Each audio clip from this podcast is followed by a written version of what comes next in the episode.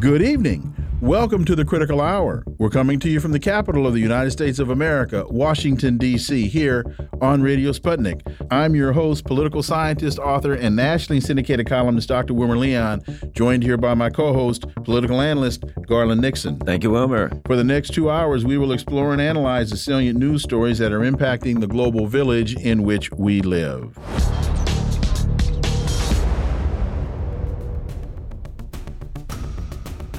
RT reports Ukraine behaving like a drowning man. Warsaw must protect its agricultural interests to prevent Kiev from dragging it down, according to President Andrzej Duda. For insight into this, let's turn to our first guest. He's an international geopolitical consultant, global speaker, author, veteran, and former international security analyst in Washington, D.C. He's the founder of Global Perspective Consulting, headquartered in Dallas, Texas. Dr. David Oualaalou, as always, welcome back. Pleasure to be with you, Wilmer. By suing Warsaw over the embargo on Ukrainian grain, Kiev is behaving like a drowning man, threatening to pull down one of its main supporters in its conflict with Russia, according to President Duda. He also announced that his scheduled meeting with Ukrainian President Zelensky had been canceled. I think behaving like a drowning man is a very apt description, Dr. Oualaalou. Well, it's because when somebody's drowning, what does he or she tends to do? Pull you down with them. Exactly. And this is the right description for it. But here is what's at the heart of it, just for your listeners to know. It's because 90%, 90% of the grain transfer used to go through Poland, which means also that the Polish farmers were being hit. Now you got other neighboring countries, including Bulgaria, including Slovakia. You know, they, all of them are saying enough is enough. It's because the domestic farmers are paying the price to support Ukraine. And to them, it's like it doesn't make any sense. So now it made more sense as to why the comedian President Zelensky at the UN speech was saying, hey, uh, Russia's going to invade Poland, which is nonsense. it's because he saw that the end is coming, it's near. And this is the same statement that the former president of Georgia, Mikhail Saakashvili, said the same thing when he said, "Oh, the Russians are going to go invade Finland and Sweden," where it was none of that is true. So the bottom line to it is this grain deal that used to work for everybody. Now the EU saying, "Wait a minute, wait a minute. Poland will have to allow the grain from Ukraine to go through," and they're saying, "No, we won't have it because our farmers are paying the price for it, and we are not going to allow it." To the point that they decide now we're going to cut off the military support altogether. Well, here's the other thing too, and that is, you know, there's three elections we could talk about here. Um, there's been pressure on uh, uh, Vladimir Zelensky to have um, uh, uh, an election in Ukraine, which, from the looks of the numbers, he would lose um, in a lopsided. He, you know, right now lose to an old, you know, bag of potato chips from the looks of things in Ukraine. You have Duda facing election, and right now he's the underdog, and it looks like uh, the farmers and the rural people that normally support him aren't supporting him. And you have, meanwhile, the Democrats here facing an election as they support for um, more money to Ukraine seems to be going south. Three elections together make some sense of that, Dr. Oualaalou. And the numbers here indicate that Biden could lose very quickly as well. Dr. Oualaalou. Well, spot on. Spot on is because on three fronts, the outcome is going to be different if things are not changing, or the policy that is. So for us here in the U.S., the uh, uh, Speaker of the House, McCarthy, already made it clear that they're not going to support any whatever the Biden administration intending to do. Heck, they are asking for another $24 billion. What happened to the American families? What happened to the American infrastructure? What happens right here at home? Why are we just giving money right and left when we don't even have it?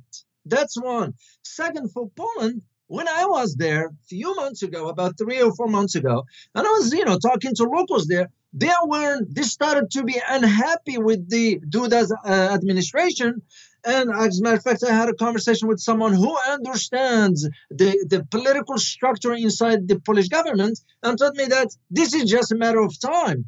Maybe Duda's this is last time in office to begin with. So now Duda's thinking about his political career by reversing course. And for the elections in Ukraine, well, the comedian Zelensky is already threatening that there will be no elections if we don't give him $5 billion. Well, who the heck is going to be thinking in terms of us giving money to do elections and so forth? What about the will of the people? And you can just see on three fronts, the outcome is not going to be uh, bode well for any parties if things are now returned mainly for the United States and Poland. And this is why I believe Poland made the decision as far as the support for Ukraine is going to end. I wonder if uh, Zelensky's extortion attempt, give me 5 billion and we'll have an election, is his way of saying basically you're buying me out because I know I'm going to lose. And uh, so it's the 5 billion, I'll take 2 out of it and I'll go on my merry way. But anyway, is the muscle flexing that Poland is demonstrating is it very possible that other EU countries will start to flex in a similar manner? If we look at Polish farmers having issue with the grain deal, when do Germans get angry about the Nord Stream 2 pipeline blowing up and the exorbitant amount of money they're now having to pay uh, for gas? France. I mean, we, we can pick a number of countries all of whom are suffering tangentially because of this conflict. Does what Poland does start to uh, give cover to other countries to do the same? Well, we can start with the neighboring countries of Czech Republic. You already having a demonstrations there that, by the way, Western media is now reporting on it. And in the demonstrations, they're asking for two things. One of them has to do with the full resignation of the government, and second has to do with pulling uh, Czech Republic out of NATO altogether. And all this is triggered by the energy bills is the same arguments in Germany. There's another demonstration, other demonstrations in Germany in the city of Megdalin, if I'm not mistaken, on the eastern side of Berlin. It's a small city there. But again, they are arguing the same thing because the government, the German government in this case, went ahead and enacted a legislation by which to you know impose that the citizens in Germany will install hearing system that is so expensive. And this legislation, by the way, is going to cost about 1 trillion euros for the next 20 years. So the logical question we need to ask, who's going to be paying for that? So the Germans are now seeing what the, uh, for example, the demonstrations in the Czech Republic are asking for, in addition to now the decision by Poland, which, by the way, took everybody by surprise. And some are, are applauding Poland for taking stand on this. Of course, Poland has its own calculations and has to do with the strength or with the strength of its own military apparatus. So, but if everything it seems to me is coming to the fore, and now it's just a matter of government's going to have to figure out how they're going to proceed.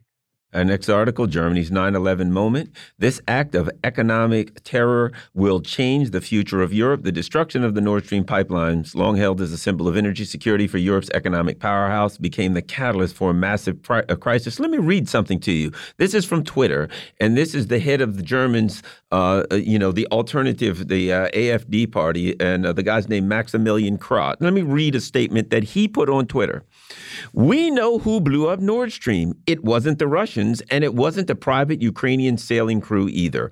Our government knows for sure. It probably was informed beforehand. It watches as the lifeline of all German industry and the guarantee of your cheap energy is blown up because it's not your government. It's not about German interest. It's about pleasing its masters outside of Germany and taking part in the big war against everyone who wants to be different. Now in Ukraine against the Russians, tomorrow in Taiwan against the Chinese. The main thing is that Germany pays and Germany grows poor so that these guys have power and money. This is the AFD party. And at that rate, they will take power in Germany using that kind of rhetoric. Not, I'm not endorsing them by any stretch of the imagination. This is just an observation. Your thoughts about that? Well, it's, it's right on because when you look at the political landscape in Europe, what do you see? you see the emergence and the rise of the far right. The far rights are going in the different direction altogether. I look at it just, for example, in France, where I have my family lives there and so forth. And I talk with them. You look at if Marie Le Pen gets the presidency, the first act is to pull France out of NATO. So this is just coming moving forward. But for the case of Germany, well, because German economy is already in recession, there are some businesses shutting down, and they are seeing the the the uh, the outcome of their failed and ill-conceived policies that they have been following. And this is now it's coming, as we say the saying, the roosters coming home to uh, the chickens coming home to roost. And they are witnessing now the German citizen or European for that matter, including Italy with the mess that's going in Italy. They all coming now to realize, well, maybe we made a mistake by following blindly or getting involved into this whole mess altogether. So now the Germans are paying for it, but the Poles, the Polish are trying to get ahead of it. The Czechs are kind of asking their government to resign altogether. So Europe is in a mess and the change will happen one way or another. What about the equating the destruction of Nord Stream to 9 11 and not only from the practical application of it in terms of the damage it has done to the German economy, but to the terrorist act that it actually was. Well, the, the, the, the, description is right on because it was an act of terrorism, let alone by who it was committed by. And if the German government was aware of it and did not stop it, in, in a sense of, that means it is sort of uh, what the word are we looking for? Uh, complicit collaborating into the crime in itself to destroy the German citizens or the German economy for that matter. So uh, it's kind of common sense. But again, we there is no common sense now with Western leaders because that uh, they are irrational. They can't think straight by design because they are pressured to go certain directions that will only only uh, sort of push the conflict with, with Ukraine and Russian conflict forward uh, to no end, and everybody's going to be suffering for that. And I think that the the Nord Stream, uh, uh, you know, the old saying, the Nord Stream attack is a bomb with a long fuse. That the real damage that this will do to U.S. imperialism, to the Biden people, to the neocons, has yet to be seen, but it will be seen as Germany and Europe start to suffer more and more, they will have no choice but to address it. 30 seconds. Be because one NATO country attacked another NATO country. Exactly. They were trying to blame uh, the, the Russians for, for the missile that landed in, in Romania, which had nothing to do with Russia. You can just see. But Europeans will eventually, if the far right takes uh, take, take over, then then it's over for the U.S. hegemony in Europe and the global stage for that matter. That's the way I see it moving forward. Dr. David Oualaalou, as always, thank you so much for your time. Greatly, greatly appreciate that analysis, and we look forward to having you back. My pleasure. Folks, you're listening to the Critical Hour on Radio Sputnik. I'm Wilmer Leon. I'm joined here by my co host, Garland Nixon, and there's more on the other side. Stay tuned.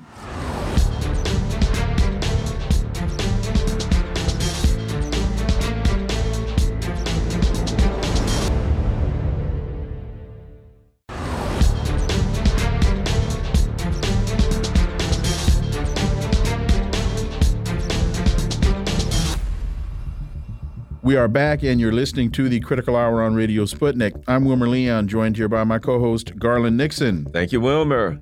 Sputnik reports NATO drills near Russian borders raise escalation risk. Moscow warns. Due to NATO's maneuvers near Russia's borders, the risk of unintentional incidents and chances of aggravating the situation are liable to multiply, according to the Russian Foreign Ministry.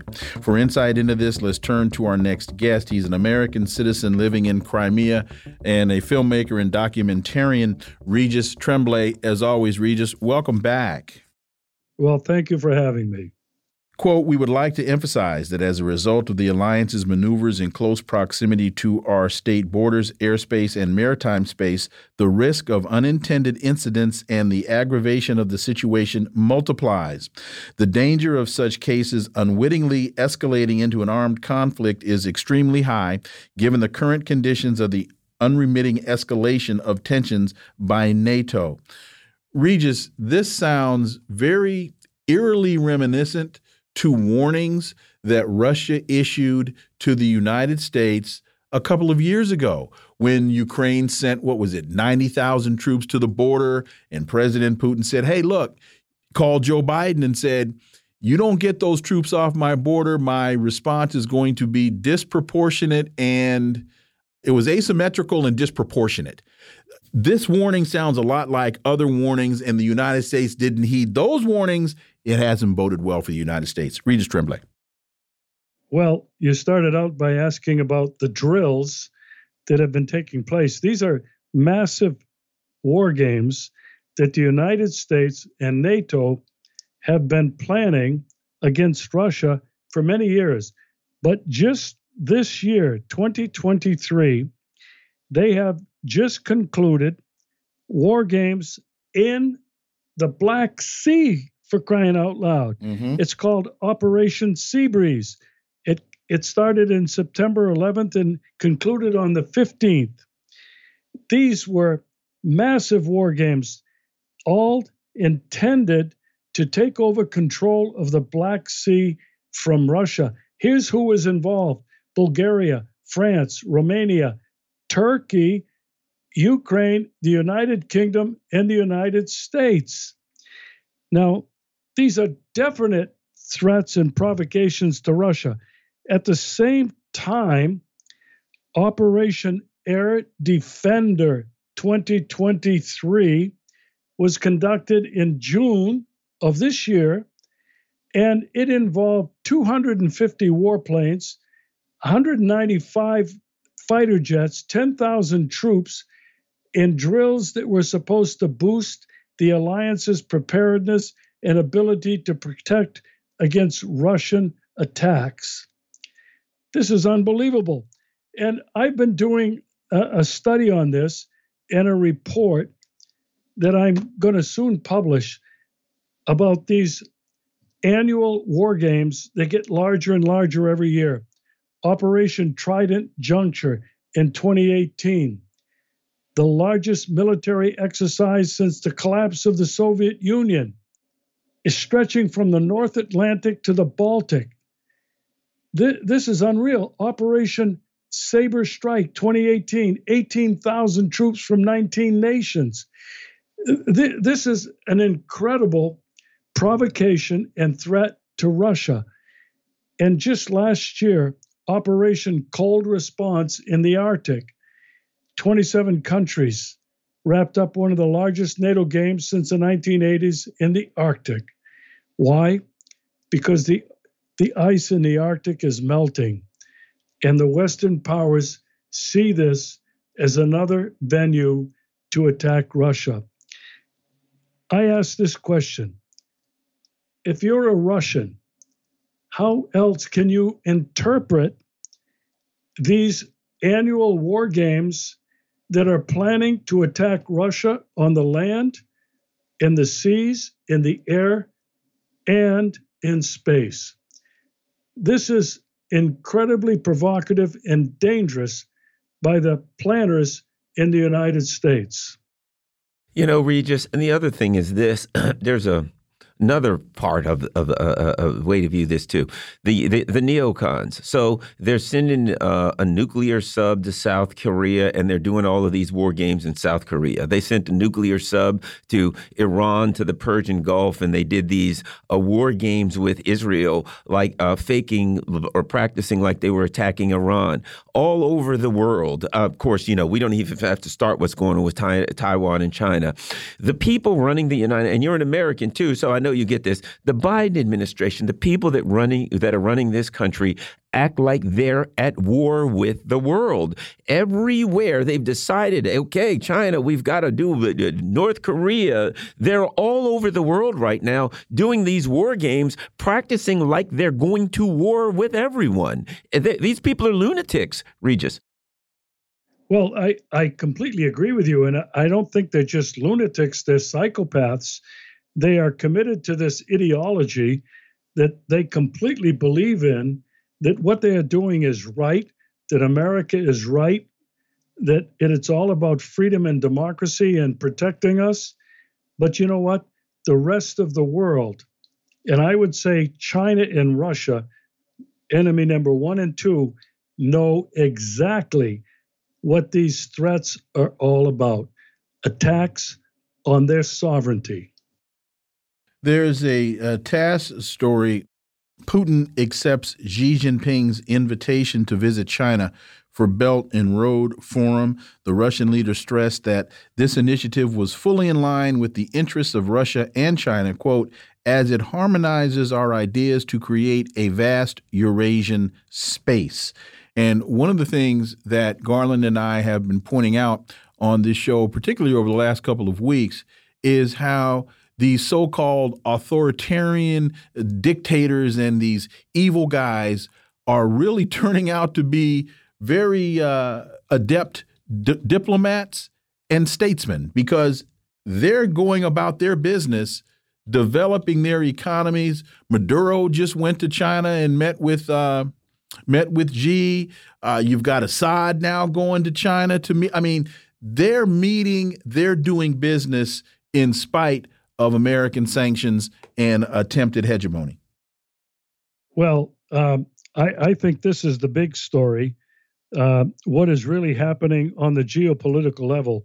Forget the threats to China and to Russia in the Taiwan Straits, in the Black Sea, and in the Arctic. Russia and China obviously are going about their own business. As you just mentioned, it's about economic cooperation, it's about development, it's about uh, non not engaging in conflict but diplomacy all over the world in in the southern hemisphere africa south america um, it, it, it's incredible to watch this on the geopolitical level at the game that Russia and China and India and other countries, including Saudi Arabia, are playing. Uh, to me, it's it's it's mind-boggling. And when you talk about the people, the neocons in Washington, are they completely oblivious to this? If they are, it's really a sad state of affairs for the rest of humanity. Interesting. I want to get your thoughts since it's in your neighborhood. Poland says it's no longer arming Ukraine amid grain spat. You got Poland, you know, they got an election going up. Things are looking kind of bleak for Duda. And of course, there is a historical and cultural issue. Let's face it, the Banderites killed 100,000 Poles. If I were Polish, I'd be a little concerned about that. But if Poland's backing away from Zelensky, the Zelensky regime, there ain't much left for them. The end is near. Your thoughts on that, Regis? Oh my God, this is to me the largest story of the last two days about what's going on in the conflict in Ukraine.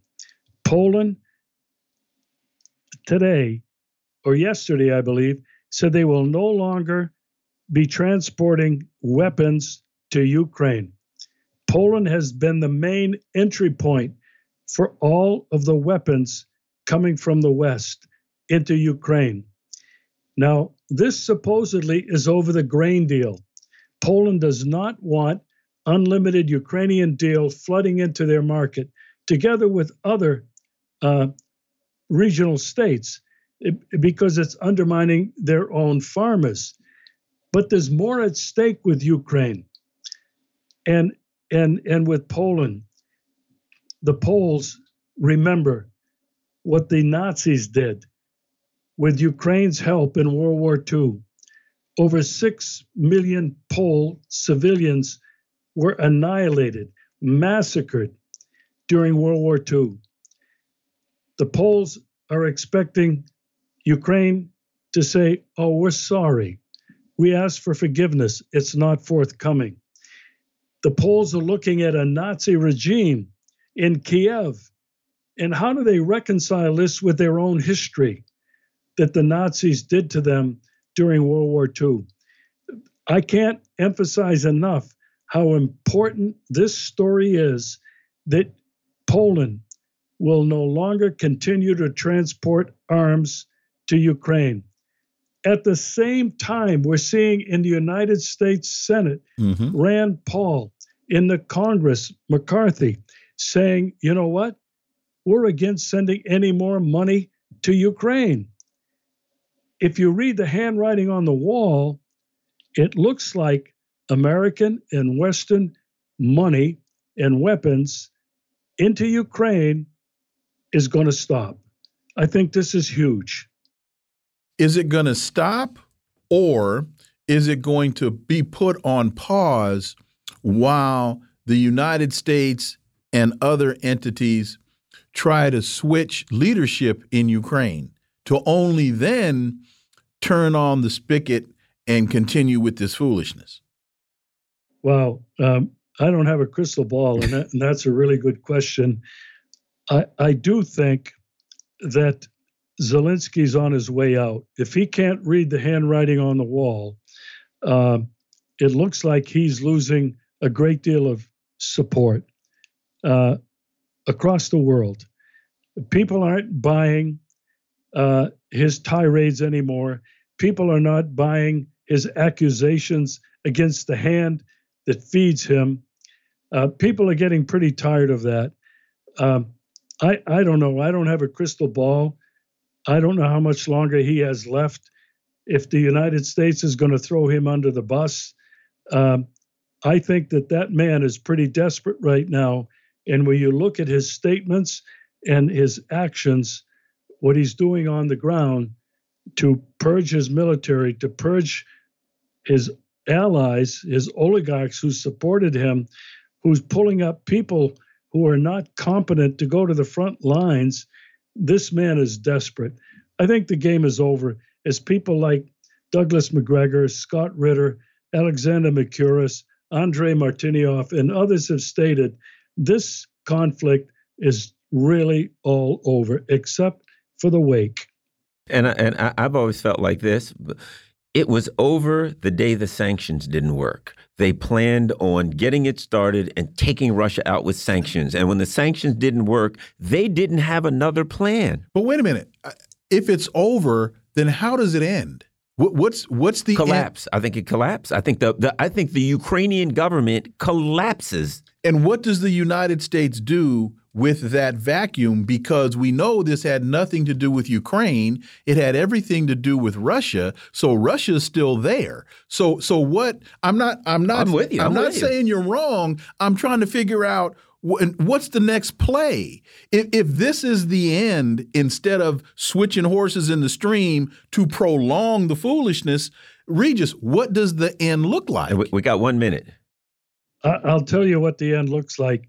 Russia has won this conflict in Ukraine against the United States and its vassals in NATO.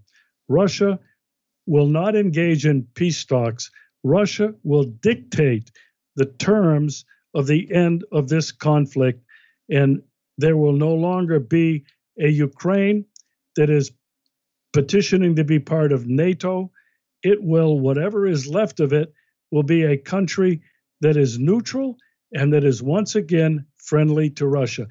Russia will dictate those terms, okay. not the United States. Regis Tremblay, as and I think you do have a crystal ball. You just like to be humble. Uh, Regis Tremblay, thank you so much for your time. Greatly, greatly appreciate it. Look forward to having you back. Thank you so much. Folks, you're listening to the Critical Hour on Radio Sputnik. I'm Wilmer Leon. I'm joined here by my co host, Garland Nixon. There's more on the other side. Stay tuned.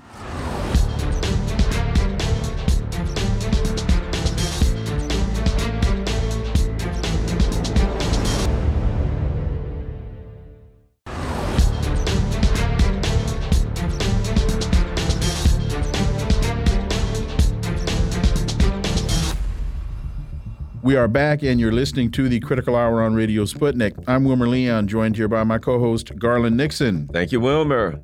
People's Dispatch has a piece entitled, Is This the End of French Neocolonialism in Africa? The recent formation of the Alliance of Sahel States is further proof of the consolidation of anti French sentiment in the region. Uh, Philippe Toyo Noudjenoume president of the West Africa People's Organization, says that this sentiment is especially strong in the Sahel region but is common throughout French speaking Africa.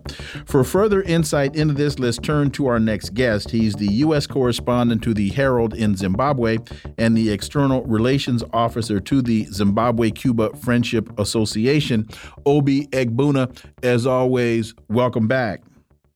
Thank you. Glad to be back with you. So, in Bamako, Mali, on the 16th of September, the governments of Burkina Faso, Mali, and Niger created the Alliance of Sahel States. But more recently, these three countries and others in the Sahel region, such as Niger, have struggled with common problems such as the downward sweep of radical Islamic forces unleashed by the 2011 North Atlantic Treaty Organization war on Libya. Obi, yes, we see collective resistance against France. And there is all of this discussion about is this the end of French neo-colonialism in the region? My question to you to start the conversation would be if that is the case, a vacuum will be created, and I can only assume that the United States is sitting idly by waiting to fill that vacuum, Obi Egbuna? Um, through because of neo, I think a lot of times that when people hear neo-colonialism, first of all, I want to thank the two of you gentlemen for even emphasizing neo-colonialism because when people say colonialism, they don't understand that there are two areas: settler colonialism, neo-colonialism. As of 1994, what happened in Tanzania, South Africa, we have no more settler colonies but you still have neocolonialism. In the 1990s, our people rose up against military neocolonialism. Now we're dealing with civilian neocolonialism. Um, that great fight champion of the African Revolution, Ahmed Sekou Touré, said imperialism will find its grave in Africa. So if putting French neocolonialism in the grave is what we accomplish today, the ultimate goal is to put German neocolonialism, Portuguese neocolonialism, British neocolonialism, all forms, all manifestations of neocolonialism in the grave. So this is a step in the right direction. And in a war this intense and purposeful, we'll take any momentum we can get. What do you think about the military alliance between, um, you know, Burkina Faso, Mali, and Niger recently? And they've also said that that military alliance is going is going to grow into an economic alliance. When you look at ECOWAS, when you look at the African Union, when you look at alliances that have been, you know, dominated and uh, very much by, you know, outside Western influence, what do you think of this new military slash, hopefully, economic alliance? First of all, I don't know if this is by design, but I'd like to thank two of you wonderful gentlemen for having me on, as today is the birthday of Osagyefo Dr. Kwame Nkrumah. Wow. And all and both of you gentlemen know that all these young young folks are doing is following the example of the Guinea, Ghana, Mali Union that was established, short-lived, formed in 1958, but it represented a vision where they merged, talked about merging their economies, merging their military, merging everything. And this is what laid the foundation for not only the African Union, but for ECOWAS, but for NEPAD, but for SADC, and all the different regional bodies, COMESA, all the regional bodies that we have. So regional stability is a very important thing. As you know, uh, because of the work we've done in Zimbabwe for the last 20 years, we saw numerous occasions where imperialism tried to find a vulnerable entity in Southern Africa that would be used to carry out their regime change efforts on the Zimbabwe government. They tried through Botswana, it was not successful. They tried through Zambia, it was not successful. They th- tried through Malawi, it was not successful. So having regional stability and regional cooperation and regional unity is very important, especially in this area where the French colonialism reigns supreme. And when you take a look at what's called Francophone West Africa, and you look at the damage that Houphouët-Boigny alone, just him did, him more more devious than Mobutu, arguably, more devious than Bokassa in the Central African Republic, um, arguably. more devious than the neo-colonialist ringleaders in Nigeria. So it's very important for them to get back to the basics, have this consolidation in the region so that they can begin to plot a course that eventually breaks the cycle of neocolonialism, period, diplomatically, politically, economically, and most importantly, culturally, since everything emanates from culture. Right after the coup in Niger, Nigeria said, You got one week to return the president or we're coming in. And then ECOWAS stepped up and said, You got eight days and we're coming in. And nobody's come in. And you have now the creation of this alliance of Sahel states because I think it was Algeria was the first country to step up and say, no, we're not going to tolerate that. And then Burkina Faso, Mali. So, your thoughts on that dynamic? We know the United States was trying to use ECOWAS, which is an economic organization. They were trying to use it or kind of pimp it out as a military uh, interventionist. Um, what what has what has brought about kind of the calming of we're not hearing intervention talk Be, as go ahead because because imperialism always has the code words that they use and one of the ones that they like to use a lot is a coup so when people who know the african landscape hear coup d'etat they think oh no what uh did to Ben Bella in Algeria. Oh no, what Mobutu did to Lumumba in the Congo. Oh no, what uh, what's happened in multiple places. Um, but the one thing, and what we know is they they've always backed all the coups in Africa. They even they um, Idi Amin comes from the King's African Rifles, and they supported him to overthrow Milton Obote. So military neocolonial imperialism wants to militarize Africa. However, as more people are raising the question of the presence of the U.S. Africa Military Command, AFRICOM, one of Barack Obama's contributions to Africa, diplomatically speaking, what has to always be taken into consideration is we've had revolutionary leaders who come from military ranks but don't run their governments militaristically. Gamal Abdel Nasser is military but he gave political stability to Egypt slash Kemet. Thomas Sankara was military, but he brought political stability to Burkina Faso. Muammar Gaddafi was known affectionately as Colonel Muammar Gaddafi, but he did not run Libya militaristically. So these young people who are coming out of military ranks were just being patriotic. They saw their nations falling by the wayside. They saw French neocolonialism continuing to uh, compromise their future.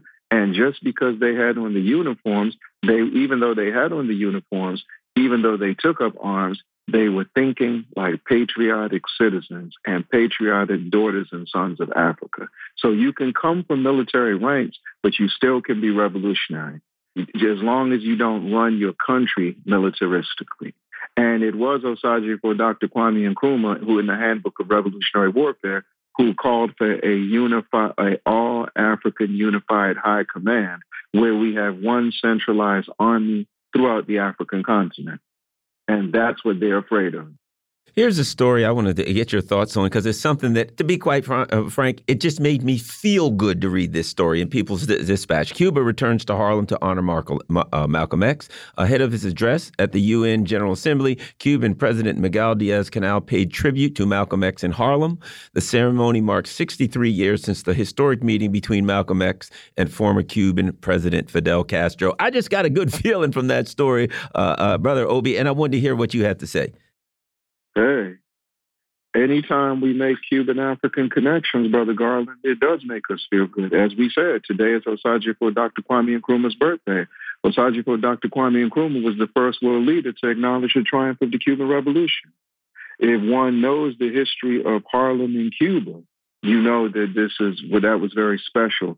Not only that meeting with Brother Malcolm and Comandante Fidel Castro, but if you know Harlem, you know that in 1892, they had something called the Revo- um, Arturo Schomburg and others started something called the Revolutionary Committee of Puerto Rico in Harlem. And they had two primary objectives the independence of Puerto Rico and advocating Cuba's independence from Spanish colonialism.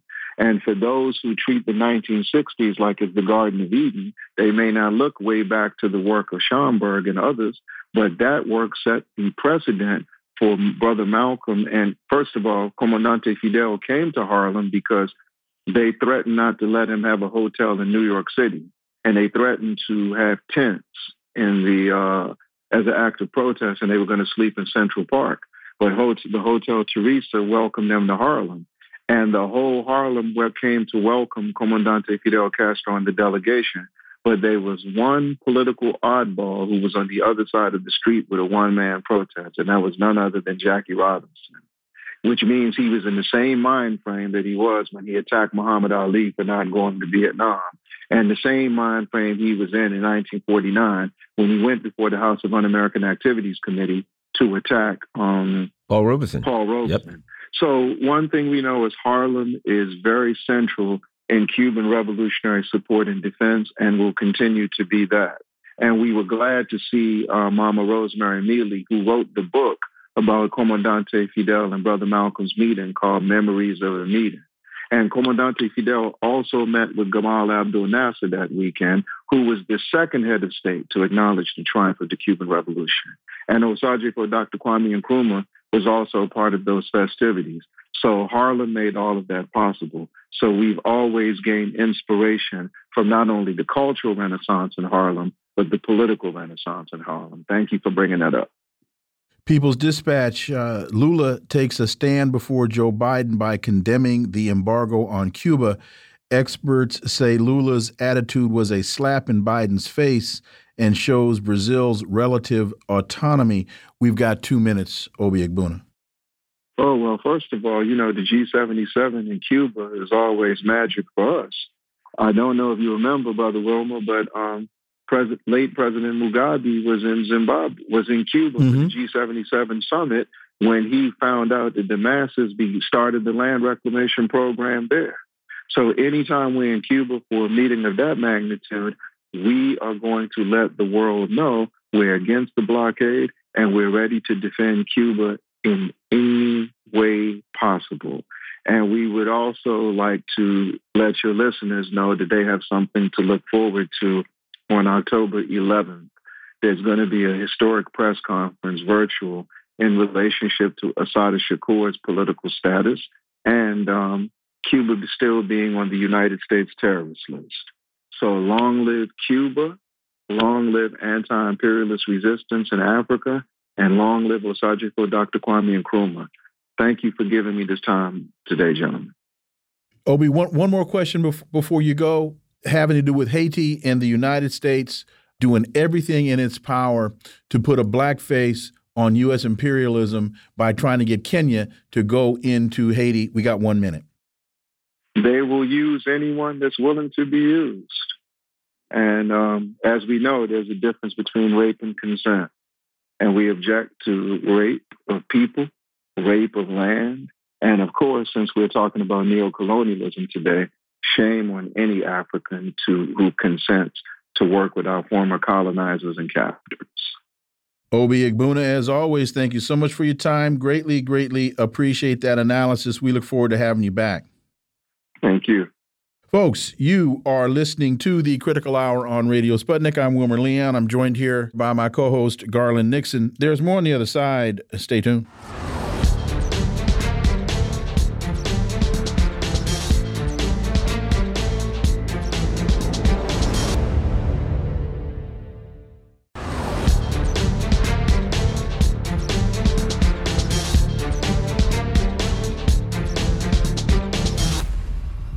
We are back, and you're listening to the Critical Hour on Radio Sputnik. I'm Wilmer Leon, joined here by my co host, Garland Nixon. Thank you, Wilmer. Auto giants refusing union demands paid just 1% in federal taxes on $42 billion in profits. Despite reaping tens of billions of dollars in profits between them over the past five years, GM and Ford paid an average combined tax rate of just 1% on total pre tax income. And this was from an analysis published uh, Tuesday.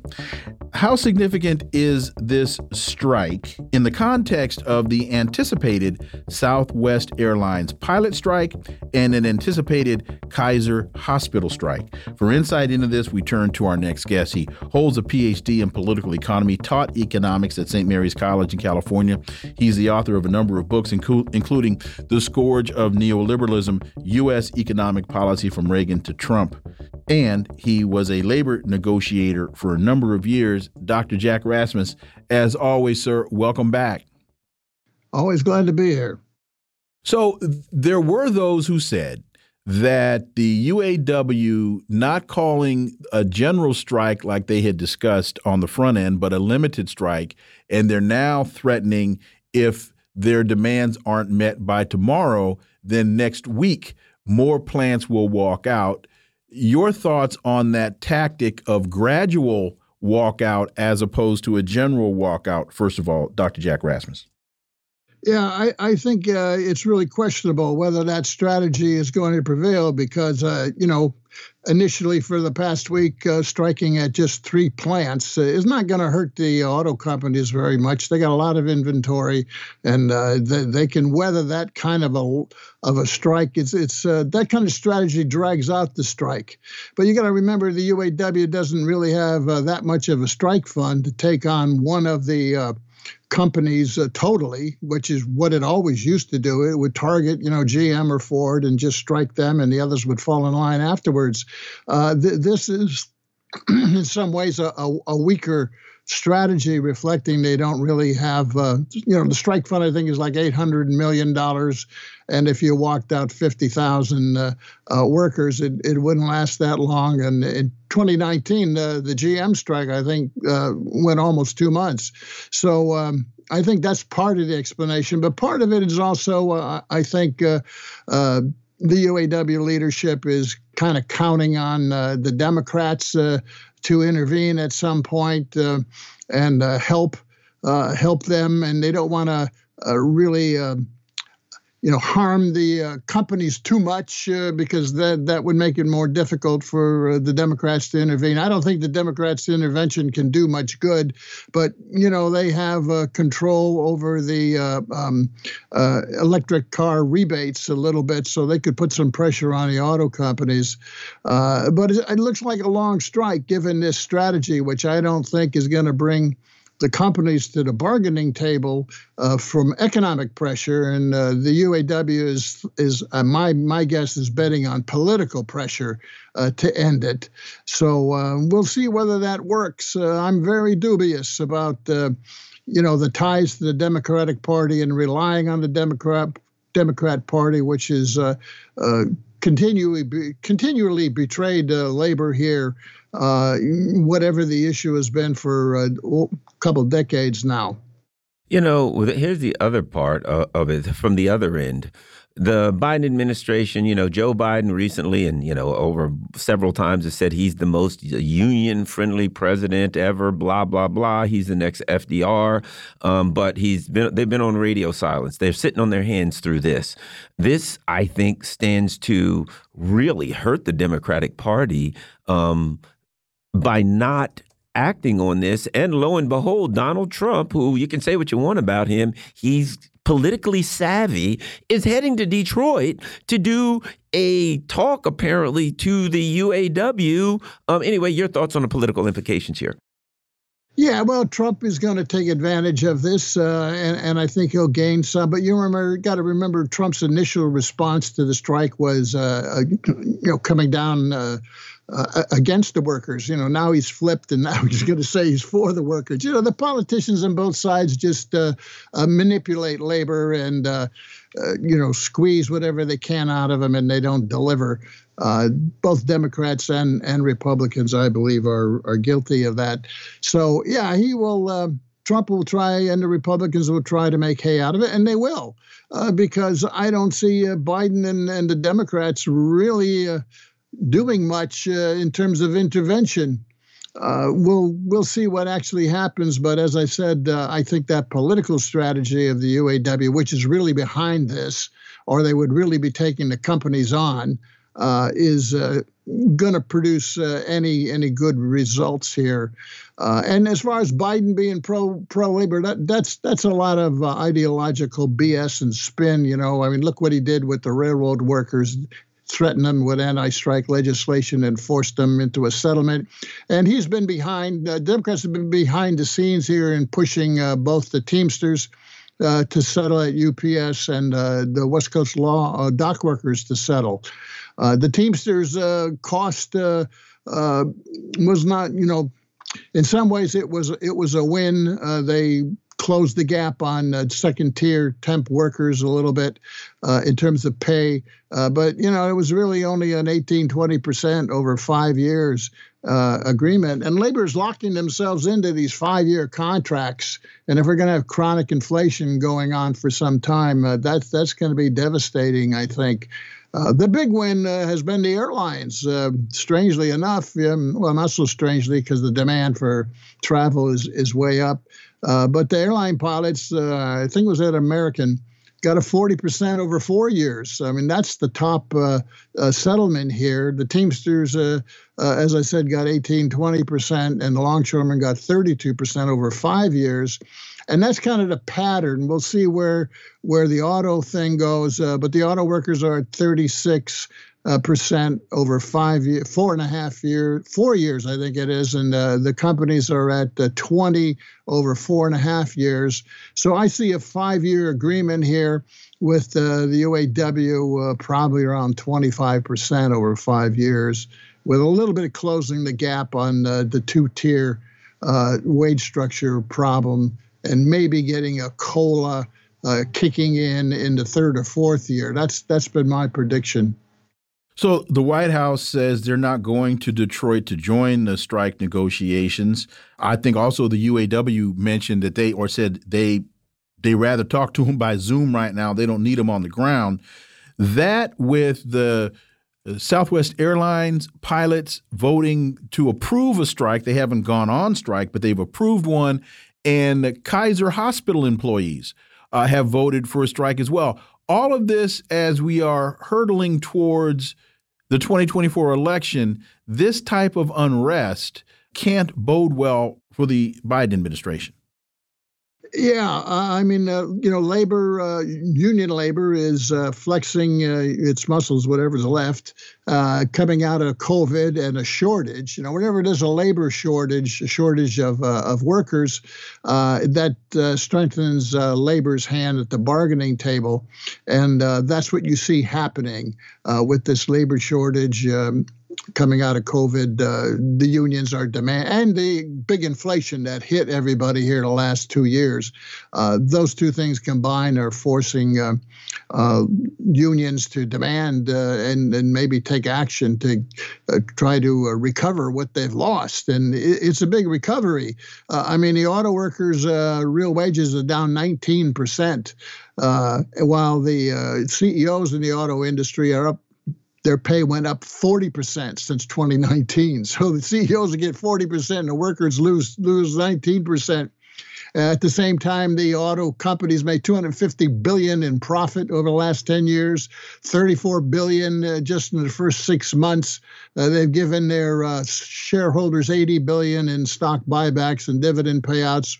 Uh, they've gotten a 32 billion dollar, I think it is, uh, subsidy for electric vehicles from the government. They're fat you know, and the auto workers want a piece of that at least since they uh, went back uh, so so much in 2019. Uh, but the uh, you know the auto companies are uh, going to play tough because uh, you know they're going to make a, a, a, big shift to electric vehicles. And by the way, you know, whatever whatever settlement they give the auto workers, 25% or whatever, the companies are going to take it back when they uh, start building these electric vehicles because they don't need as many workers mm-hmm. to build electric vehicles. So the auto companies, even at 25, 30%, are probably uh, not going to increase their uh, their labor costs uh, over the next five years. I mean, you got to keep that in mind too. And I don't know what the auto workers are really saying about job security here uh, with regard to, uh, you know, the electric vehicle thing. The strikes are seem to be spreading in that you know Southwest Airlines they're talking about uh, going on a strike. Kaiser Healthcare workers they're talking about going on strike. The first thing I thought about was you know during the Industrial Revolution there came a period where the oligarchs were leaning so heavily on the workers that the natural dynamics created the dynamics where workers organized. Has neoliberalism reproduced that dynamic where this was inevitable, Dr. Jack? Uh, yeah, well, neoliberalism uh, in manufacturing um, goods production uh, is really characterized by uh, offshoring and big tax incentives to uh, help companies offshore and uh, free trade to uh, allow them to bring the offshore goods back to the U.S. Uh, without tariffs. So neoliberalism has uh, really devastated uh, the manufacturing workforce in this country. Uh, and, you know, just in autos alone, I think, what do we got? The 10, 12 million people in the U.S. in autos. Well, just 20 years ago, we had like 18, 19 million. We've lost six, seven million manufacturing jobs just in, in the last two decades here, uh, and transportation jobs to some extent too. Uh, but transportation, you can't really offshore very well, right? That's why the transport unions, the airlines, the dock workers, the Teamsters, uh, still have some muscle when it comes to bargaining. But uh, manufacturing companies and auto companies and steel workers, you know, they've lost a lot of it because of neoliberalism, uh, which has um, uh, incentivize companies to move offshore. Now, Biden, for political reasons uh, and, and, his foreign policy reasons, is trying to get these companies to come back onshore. Uh, and he's given them a big slush fund, free bribes, and everything. That's the CHIP Act and the uh, Inflation Reduction Act and so forth. Uh, but we'll see how much that really works. And a lot of these companies, uh, manufacturing that went to China and Asia and so forth, uh, will come back to North America, but I predict they'll come back to Mexico and build in Mexico and ship free trade back to the U.S.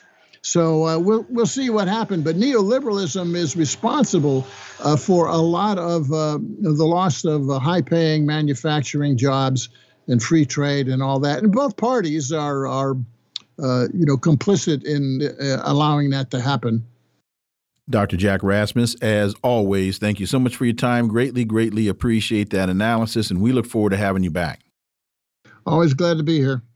Folks, you're listening to the Critical Hour on Radio Sputnik. I'm Wilmer Leon. I'm joined here by my co host, Garland Nixon. There's another hour on the other side. Stay tuned.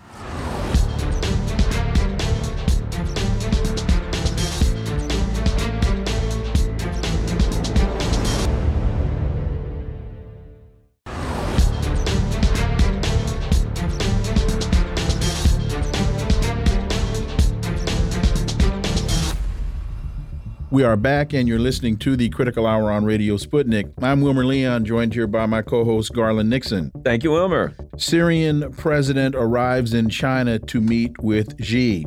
Syrian President Bashar al Assad arrived in the eastern Chinese city of Guangzhou today, kicking off his visit to the country at the invitation of his Chinese counterpart, Xi Jinping.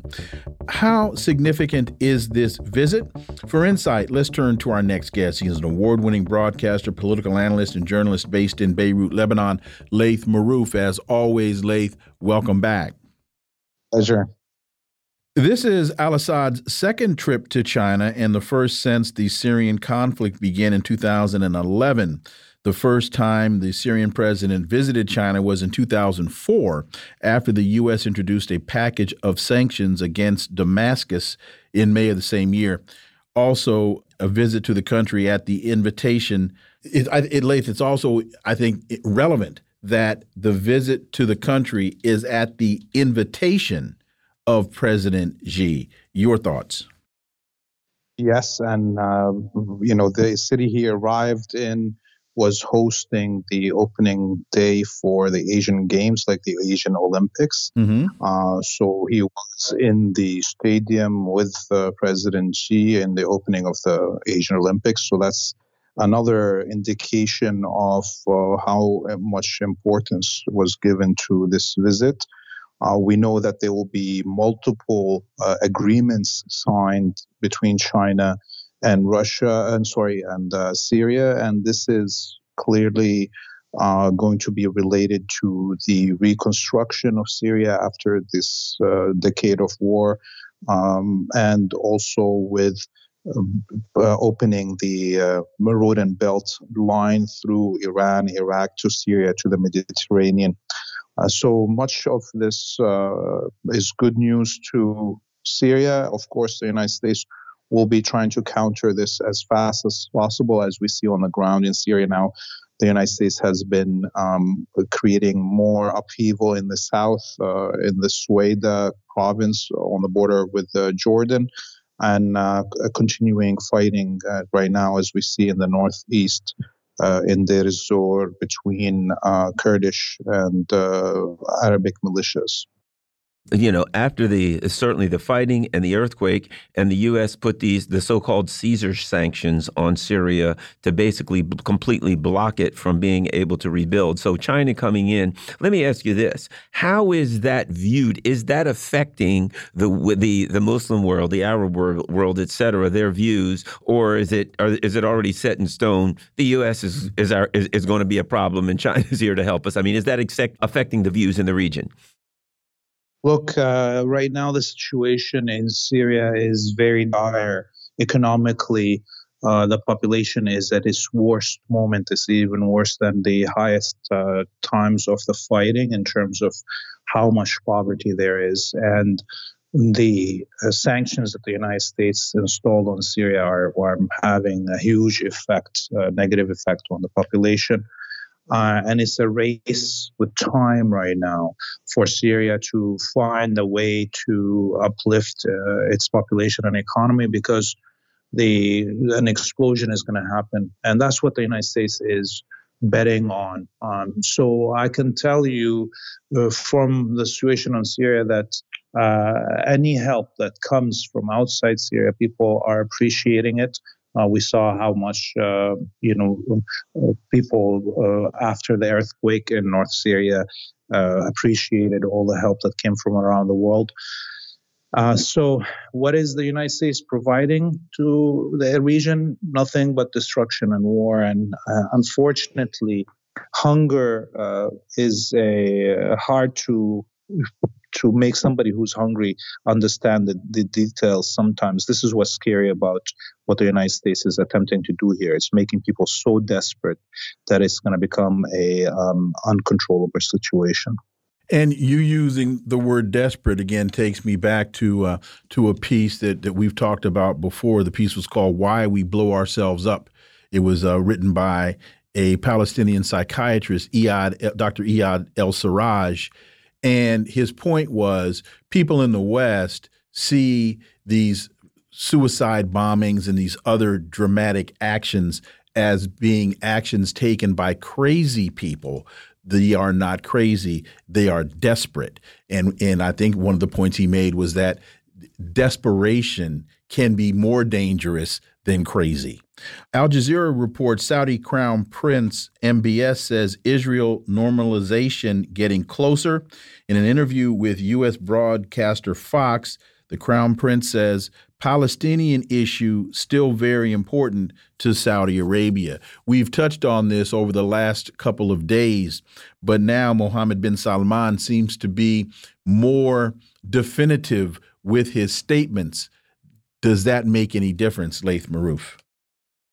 I think what it uh, shows uh, with this increased attention on this relationship and the multiple interviews and the multiple talks that the United States and its allies in the um, and vessels in the region are, uh, on the one hand, as we saw with the Saudis and Iran, trying to slow any conflict, direct conflict between these vessels and Iran or the axis of resistance, while they are building towards an economic barrier, uh, as we see with this uh, deal to bring um, uh, a, a, route of trade between Iran, uh, India, UAE, Saudi, Jordan, and, and, Israel as a counter to the road and belt that will pass through Iran, Iraq, and Syria. So this is what comes to my mind when I see this much attention and stories happening on this. And it's also to prepare, I think, the population in Saudi Arabia for the possibility of this open normalization the Saudis and the Zionists. Um, and I mean the Saud family, not the people that are somehow named after this uh, family that rules them. But the Saud family have been the best allies of Zionism since the 1930s. And uh, so I personally think that the axis of resistance and China and Russia have to watch for the game of delay uh, that the West, uh, you know, masters, as we saw with the situation in Ukraine, delaying, delaying, delaying until the situation is ready for war. And I believe the Americans are doing that with the Saudis and the Israelis right now um, with this. And I, I, don't trust anybody in the Saud family or, or their regime. Let me ask you this also, because you know, there's been whispers, and I've been one of the person whispering it here um, that you know MBS has to watch his back. You know, you, there's still some people uh, around him who are very close to the CIA, the U.S. intelligence. They're certainly concerned that um, you know somebody could move on him. Do you think there's also that concern from him that if he sticks his neck out too far, there'll be you know a CIA agent there with a machete waiting to chop it off? Shall we say metaphorically? I'm speaking of metaphorically, Laith definitely he wouldn't be doing anything that uh, it takes him out of the favor of the United States completely. Um, I think there is a uh, window of and a, and a space that is allowed right now for the Saudis to play in in terms of criticism of issues uh, or standing up for some of their supposed rights. But uh, in the end of the day, Saudi Arabia doesn't really have an effective army. Uh, it, it, has a police state that is run by uh, former MI6 and former CIA agents. It's uh, it's not a country that can with, stand alone actually as a state without the existence of American uh, domination. And so I personally think that there, you know, maybe uh, in the beginning of these supposed dramatic changes, while they are, for me, they're all cosmetic changes in of position of Saudi Arabia on an international scene, a lot of people jumped on the wagon that's thinking that there's going to be a drastic change and all these vessels of the United States that have been vessels for 80 years suddenly are going to be sovereigns. That's not going to happen. We will see more power given to these regional vessels, more leeway for their uh, decisions, but in the end, they will have to fall in line within the imperial um, decision making. Al Mayadeen English has what I think is a really interesting story. Iran Iraq sketch plans to establish joint bank and transport company. Farzad uh, Piltan, who heads the West Asia department at the Iran Trade Promotion Organization, announced that Tehran and Baghdad are in the process of developing various initiatives, which include the formation of a joint bank and transportation firm, along with efforts towards establishing a free trade zone. And, you know, you go back to what the Iran Iraq War was from 1980 to 88, I think. And when Iraq invaded Iran, and we've got, of course, the U.S. involvement, illegal invasion of Iraq, and all the chaos that that caused. Now some dust is settling. And is this as significant as I am seeing it? Laith Marouf is very, very, very significant, especially if we put that in perspective of uh, even just the last uh, month and so of changes in uh, relations between Iran and Iraq. We saw on the one hand the threats that Iran uh, gave to uh, the federal government of Iraq, saying that if they don't clear up all the Kurdish militias, the terrorist groups that are on the border with Iran that have been causing chaos inside Iranian provinces, that they will be bombing that. And we saw as a result of that the federal government military moving uh, into the borderline between uh, what is called Kurdistan, Iraq, and Iran, and uh, clearing all these militias. We also saw uh, a, a, a, the crescenting of a new rail line between Iran and Iraq uh, in the north part of uh, Iraq, which you know we see with this a clear uh, picture that uh, Iraqi and the Iranian Iranian governments are rushing as fast as possible to open the trade route from Iran to Iraq to the Mediterranean through Syria. And this is again connected to our first story, the, pre- the visit by President Assad of Syria to China and now we see a picture. You see how, and, and when we talk about the second story of MBS talking about normalization with the Zionist colony, we can see now how the kind of a, there's a race now between who will have the route that goes from Asia, uh, Western Asia, and Central Asia to the Mediterranean, and uh, the and and this is going to be a fierce competition which is going to increase the possibility that the United States creates more chaos in Syria to block this line of trade from being built. You know, it seems to me that uh, the Chinese haven't worked to establish this Belt and Road initiative and, you know, to be able to have overland transport routes, that a lot of other countries are looking at that as a model and saying, a, we could branch off of that and we can utilize, we can be, you know, like nodes that branch off of the uh, Belt and Road Initiative. Or B, we can have the same because they're all concerned about the U.S. controlling the shipping lanes. And it seems like that's what it's, this is about. Uh, we got about a minute. Yes, this is what it's about. And I think uh, much of the world that is sanctioned is jumping onto the Chinese uh, road and belt and as we see some of the vessels of the United States, uh, finally, who, who stood for a long time, including the United States itself, stood at, uh, against the road and belt and claimed that it's a laughing stock and it's a project that's not going to work and it's not going to do its thing, suddenly now are creating counters uh, for the road and belt. And I think it's a little bit too late. And uh, the you know having Israel as a center point of this uh, nod that you want to create to compete with the road and belt is uh, a, actually a, a, a, clownish decision because Israel is the most unsafe place on this planet. Laith Marouf, as always, thank you so much for your time. We greatly, greatly appreciate that analysis, and we look forward to having you back. You have a great evening. You too. Thank you. Folks, you're listening to the Critical Hour on Radio Sputnik. I'm Wilmer Leon. I'm joined here by my co host, Garland Nixon. There's more on the other side. Stay tuned.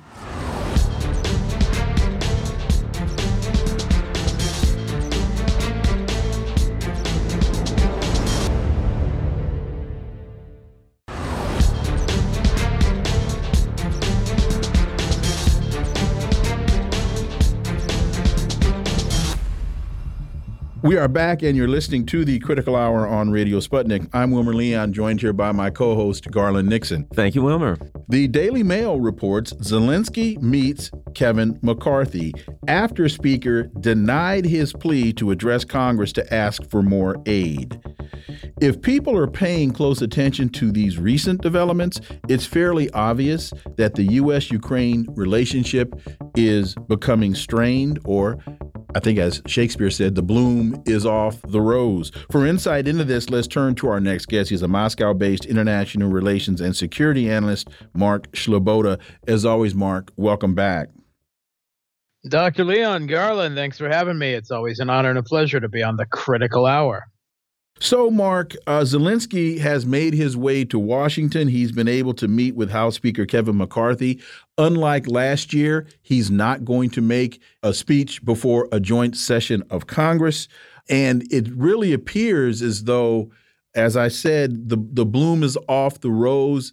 Zelensky now seems to be to be becoming more of an annoyance than an asset or an ally. Mark Sleboda. Yeah, um, I think there there is something to it. I think the last 48 hours uh, during Zelensky's trip uh, to New York for the General Assembly uh, have have uh, seen his performance there and his fortunes fall dramatically. First, there is the row uh, with uh, the Polish government over the issue of um, grain um, um, the uh, so Poland and several other East European countries have banned um, Ukrainian grain from their own domestic markets uh, because of the, the, the dumped grain uh, dramatically reduces the uh, livelihood of protesting Polish farmers who are vital constituencies for Duda's Law and Justice Party during upcoming elections. The resulting row back and forth has gone so far as to see Duda in New York City for the General Assembly declares Zelensky to be a drowning man and that Poland needs to distance itself uh, uh, from him in, in order to save itself and its own national interests. And as that scandal has erupted, has now declared that Poland will suspend, will uh, stop sending military uh, aid uh, to the Kiev regime. Um, now, that doesn't include uh, aid that has already been contracted, and it, it doesn't interfere with Poland's status as a hub at all, uh, but it is significant uh, nonetheless, because no Western leader, well, at least other than Viktor Orban, uh, has has uh, you know spoken up and and smacked down Zelensky like this before. Basically, I think a um, you know uh, proxy you're getting very uh, entitled and uppity. Know your place. Um, and uh, now we see uh, Kevin McCarthy, the uh, Republican Speaker of the House, um, uh, ref- refuse Zelensky the right to to beg to Congress for more money personally. He, um, when he was running for office, he had declared that he would not give Zelensky a blank check. He has largely done that so far, but it seems that he is appealing to the Republican minority in the Congress right now, the, the Freedom Caucus, um, that um, uh, he will instead meet with Zelensky privately because he has questions about accountability for U.S. aid that has already been sent, and he wants a plan for victory, which in which case he should probably be talking to the Pentagon because they're making all the plans. It's pretty obvious, not the regime in Kiev. Um, so uh, that's going on. But um, there's an interesting uh, story on this as Zelensky's star uh, starts to be tarnished uh, uh, if it were. Um, we uh, have a story out coming from BBC Russian. It hasn't appeared in English yet, but it is in BBC Russian. And this is picking up on a story that's going around Russian and Ukrainian media and telegram channels. Um, and basically, it goes like this that uh, the, the West, particularly the US, is starting to really get tired of Zelensky to feel that he is at this point more uh, a hindrance uh, to U.S. plans uh, for the proxy war with uh, Russia uh, through Ukraine uh, than a help. Um, and you know, we did have an article in NBC um, uh, not so long ago, back well, it, it was a, actually a year ago, uh, about Biden losing temper with Zelensky in June phone call when Ukrainian leader asked for more aid, and we've heard some similar things from the British's Ben Ben Wallace as well. He's ungrateful, he's untitled, he's bad at diplomacy. Um, so uh, the story kind of goes that uh, they are looking for a replacement, and they are strongly considering the Kiev regime's top general, Valery Zaluzhny. Um, and so they are pushing Zelensky to hold um, presidential elections next year as uh, scheduled, um, uh, but the, the, those schedules have been uh, put aside because of the state of conflict. Indeed, it seems kind of ridiculous to be holding an elections when you don't control 20% of your own country and a good portion of the rest of it is is in doubt at any given time. Uh, but um, they may be pos- pushing to have Zaluzhny, uh, uh, you know, uh, their star of, of favor shine on him instead, helping him win such an election, thereby achieving the the desired regime change without anything so overt as a a U- another U.S. backed coup in Ukraine or something like this. And um, Zelensky is not sitting down on this, so it appears that. Um, his office has opened uh, several possible investigations into Zaluzhny. And this is what the BBC Russian is reporting on that the SBU, the Ukrainian intelligence service, has launched an investigation into the question of how the uh, Ukrainian uh, south, uh, we're talking Kherson and Zaporozhia, fell to Russian forces with barely any fighting uh, when the Russian intervention first started last year um, uh, and and you know were there people on the inside? Were defenses adequately prepared? And and we know that people were on the inside. In fact the uh, kiev regime's head of intelligence for crimea which they didn't own and the head of intelligence for kherson were actively working with russian so i'm not exactly sure why they're investigating Zaluzhny. It sounds like they should be more investigating themselves. In fact, the head of the Ukrainian intelligence uh, at the time, um, uh, Ivan Bakanov, uh, he was a childhood friend of Zelensky and had had had run his um, uh, comedic troupe company uh, for him, and then later, uh, you know, briefly the head of Zelensky's party. Um, he was dismissed from his position um, as the head of Ukrainian intelligence shortly after this whole affair.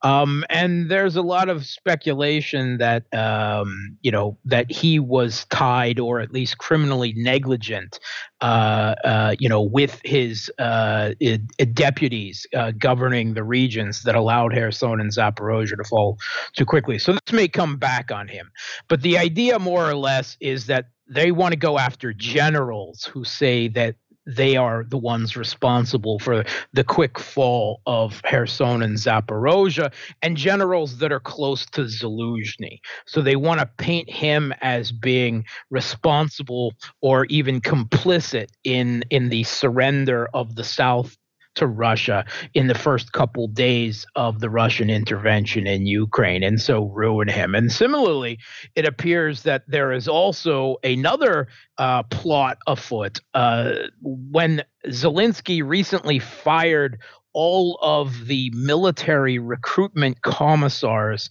responsible for the forced conscription of uh, the uh, Ukrainian citizens into the Kiev regime's military forces.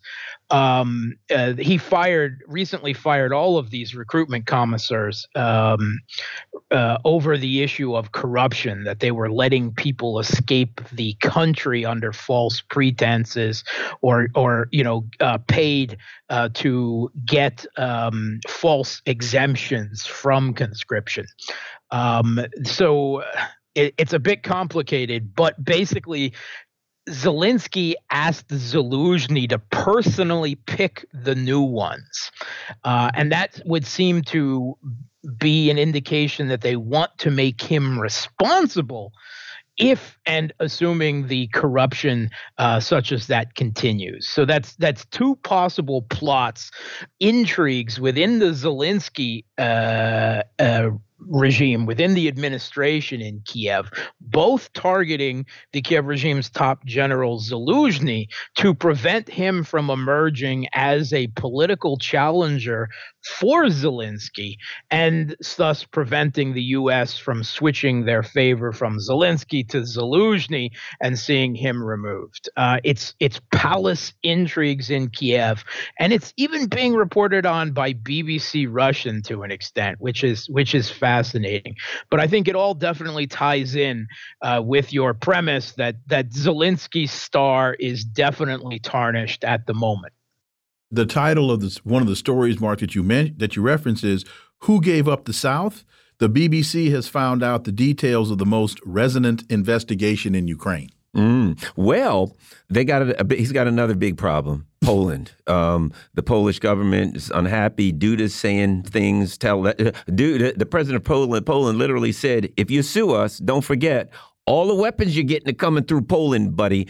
When uh, Poland is angry and they got an election coming up, when their leadership is distancing, distancing themselves, this thing's over. Mark. Yeah, it's it's really uh, amazing. Uh, it's certainly surprising to me that it has gone this far, and I think it speaks to underlying tensions more than just this issue, because it it it doesn't seem that a WTO case that the Kiev regime has launched to try to force Poland to accept um, uh, Ukrainian grain and other agricultural products on their domestic market. Um, you know, has this really gone to such an extent that Poland is blocking, uh, you know, at least temporarily uh, suspending their own military aid? I mean, they were the the sixth biggest supplier. Now, I have a feeling that eventually the U.S. is going to lean on this and say, "Hey, geopolitics trumps everything." Uh, but I think they also understand that this is more than likely a temporary measure. Um, while uh, Poland is moving into uh, heated elections where the ruling law and justice party is worried about a growing challenge from the confederation uh, another right wing party, but that uh, there's so many right wing parties in Poland, uh, but that um, is very much anti aid for Ukraine, uh, very much more critical. And the MP that you mentioned that presented this $23 billion um, uh, bill uh, to the Kiev regime, um, he's actually from this Confederation party. So I have a feeling that this is probably done mostly to pander to uh, his domestic base uh, under suggestions, recent polls showing that 78% of Poles are against further aid to Ukraine. This is how much this issue has sunk into the Polish domestic um, uh, sentiment. Uh, so I'm not so sure that this will continue, but is certainly a bigger fracture uh, with the potential to to last and grow more. It's it's it, it has the potential to stay um, if it is that that rupture is not healed at least right after uh, the Polish elections next month. Uh, so it is a very interesting development, especially considering how Poland has been uh, if the biggest supporter of of Kiev uh, after the U.S. Uh, in all of this, and and Poland simply responded that they're now concentrating on building up their own military, which of course they've already been doing for several years now. Uh, but it, it I think it basically the sentiment is that uh, it, it, at this point the aid is better spent, uh, the money is better spent building military for us because you're such a failure with everything that we've given you that it would just be money wasted at this point. There had been discussions weeks or months ago, the U.S. looking for an off ramp. As we look at the U.S. pressing for elections in Ukraine, we know that Zelensky is not that popular. The U.S., I think um, Blinken has met with Zelensky while he was in uh, in Ukraine. That could indicate U.S. trying to find an alternative to Zelensky. Is this a matter of finding an off ramp, or is this a matter of finding another person who the U.S. can use to continue this war? Well, if they're turning to the top general, who is also a noted Banderite, who has taken pictures of himself in front of pic of and has two two busts of Stefan Bandera, the genocidal World War II era Nazi collaborator. It's because one one isn't enough. Sure. Um, I I would say that it's probably switching horses okay. rather than looking for an off ramp. Okay. And Seymour Hersh's recent article suggests as much that the U.S. is not looking for negotiations negotiations. Mark Sleboda, as always, thank you so much for your time. Greatly, greatly appreciate that analysis. We look forward to having you back. Thanks for having me. Folks, you're listening to the Critical Hour on Radio Sputnik. I'm Wilmer Lee, and I'm joined here by my co host, Garland Nixon. There's more on the other side. Stay tuned.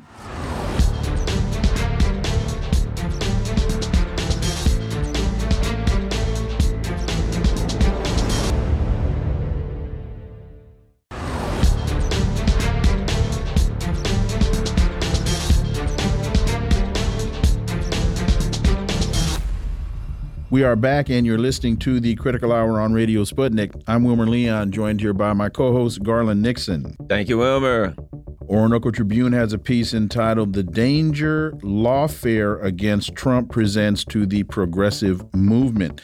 Many have noted that the indictments of Trump ring a ring of lawfare by the Biden administration. Trump has now been indicted four times and in blatant overkill now faces 91 criminal charges in New York alone. He was hit with 34 felonies for the payments to Stormy Daniels. Trump also faces felony charges for claiming the 2020 election was the byproduct of fraud and then seeking to invalidate the outcome of that election through allegedly unlawful means. For insight into this, let's turn to our next guest. She's a political commentator and podcast host, Misty Winston. As always, Misty, welcome. Thank you for having me. I appreciate it. So, your thoughts on this uh, idea that the danger of lawfare could backfire on progressives? Well, I think there's no question about it. And I think that this is a tactic that they use uh, fairly regularly. I mean, we saw it with Alex Jones. Uh, they typically will go after somebody who is sort of universally reviled, uh, in particular on the left. And then they kind of uh, create that lane where they introduce these sort of tactics and this sort of, um, you know, these sort of attempts to shut somebody down. And then once it's used and once that uh, once a precedent has been set, it's so much easier for them to use it against anybody. And for sure, almost certainly, I mean, and we're already seeing it. It is happening against the left. We're seeing it with the Stop City or the, the Stop Cop City protesters.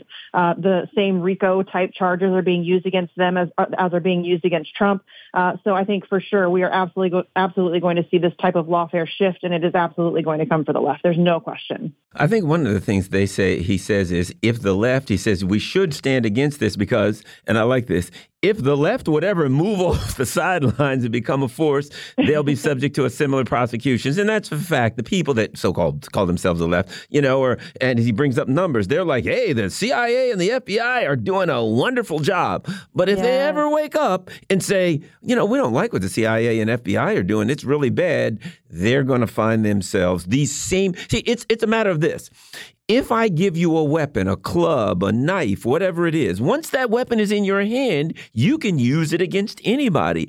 And the government uses it against their adversaries. Once they see the people who love them now decide that they're their adversaries, the same weapons will be used against them. Your thoughts? Yeah, for sure. And I think that it's that has been one of the most depress- depressing things over the past, I don't know, uh, maybe 10 years or so, Garland, watching the left cheerlead for intelligence agencies. I mean, it is just astonishing. But yeah, I mean, I've been talking about this for ages. You have to be consistent. If you are, um, you know, a hardcore progressive, anti-cop, you know, whatever rabble rouser on that side, um, you also need to stand against what's happening to the January 6th protesters. And if you are, um, you know, somebody who believes in January 6th, who think Trump, you know, got got robbed, all of that stuff, you need to stand with the Stop Cop City protesters. You have to be consistent. Otherwise, they win. This, this is the way that they're very effective effective is they divide you into your two camps and then they use things against each of those camps that will get you to cheer for it when it's convenient for you and then it will absolutely be turned around and come for you as well. And so the lack of consistency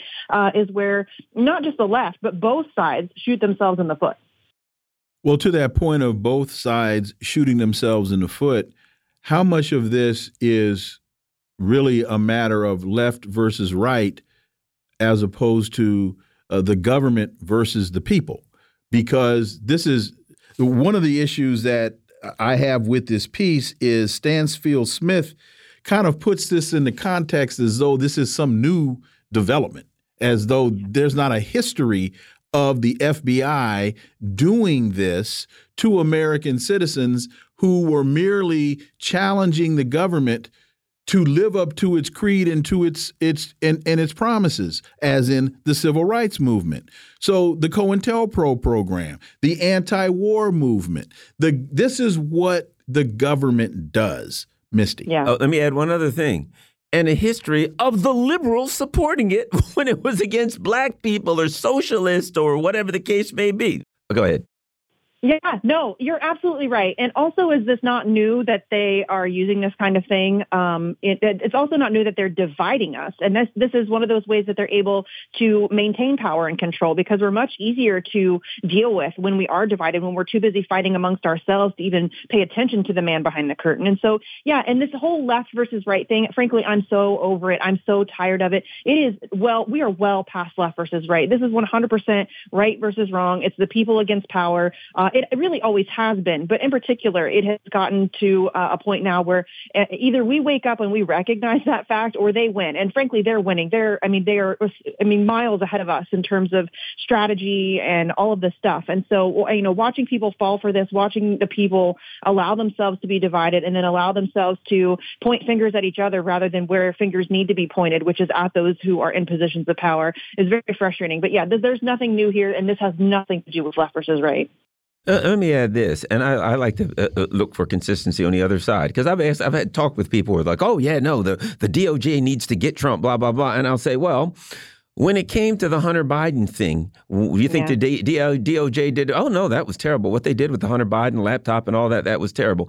How about uh, Julian Assange? You think the DOJ is going after Julian Assange for the right reasons and that he's going to get a fair trial? Oh, of course not. No, no. But when it comes to Trump, the guy that you hate, for some reason, all of a sudden you think that the DOJ has suddenly has pristine motives, that they're crooked as a rattlesnake when it comes to everything else. But when it comes to Trump, they're doing the right thing.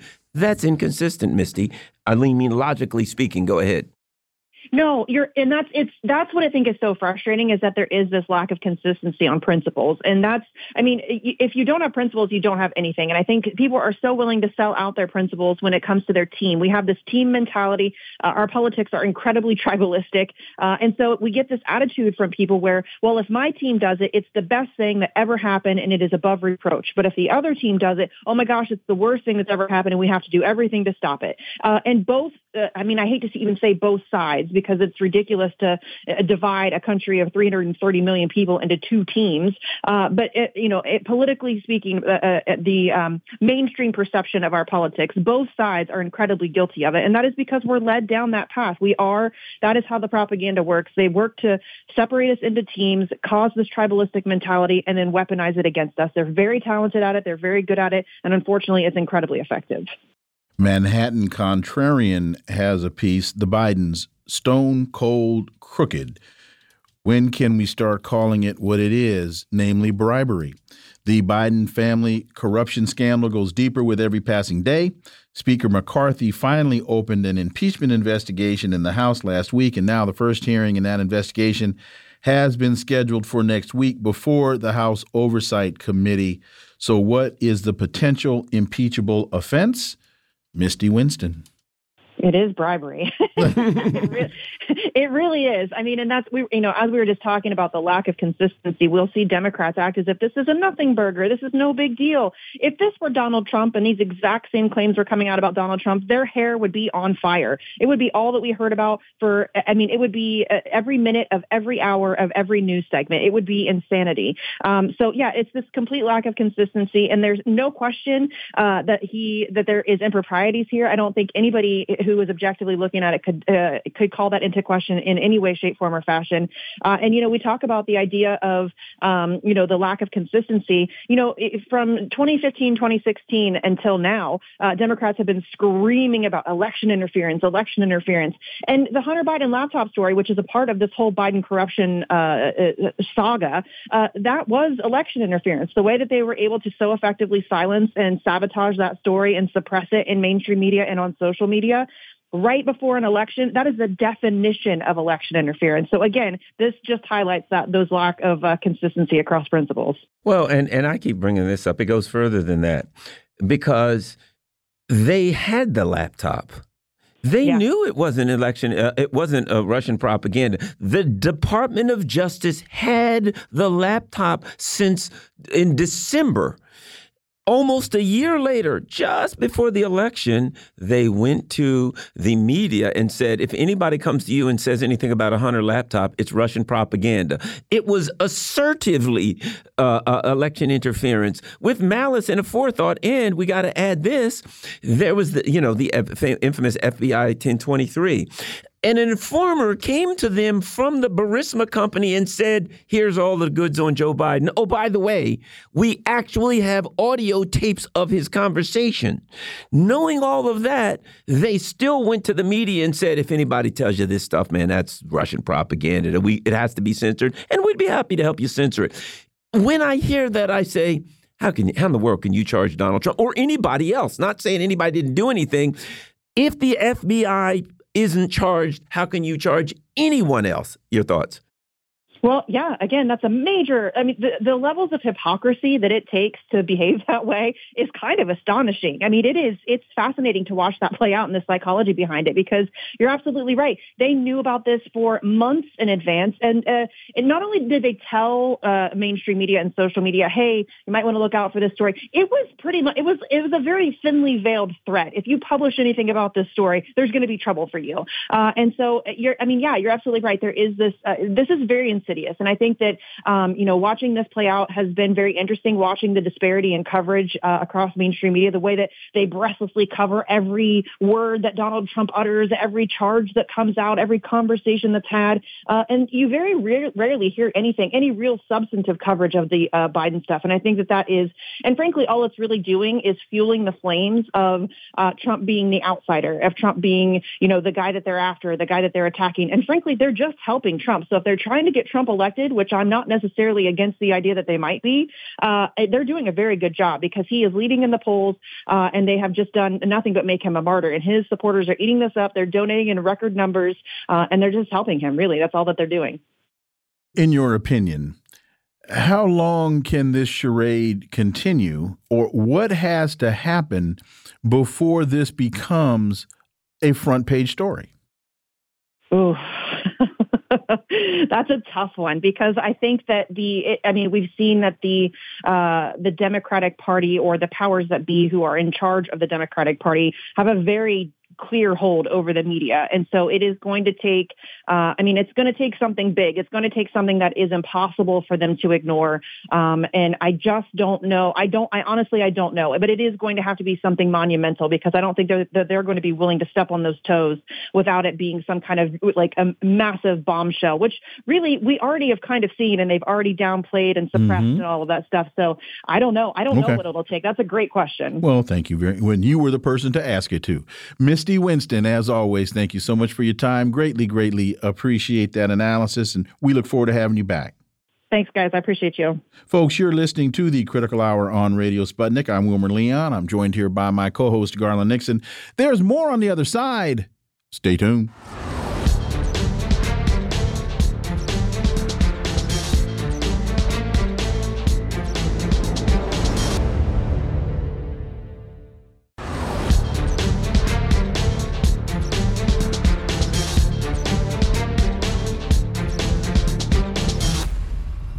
We are back, and you're listening to the Critical Hour on Radio Sputnik. I'm Wilmer Leon, joined here by my co host, Garland Nixon. Thank you, Wilmer.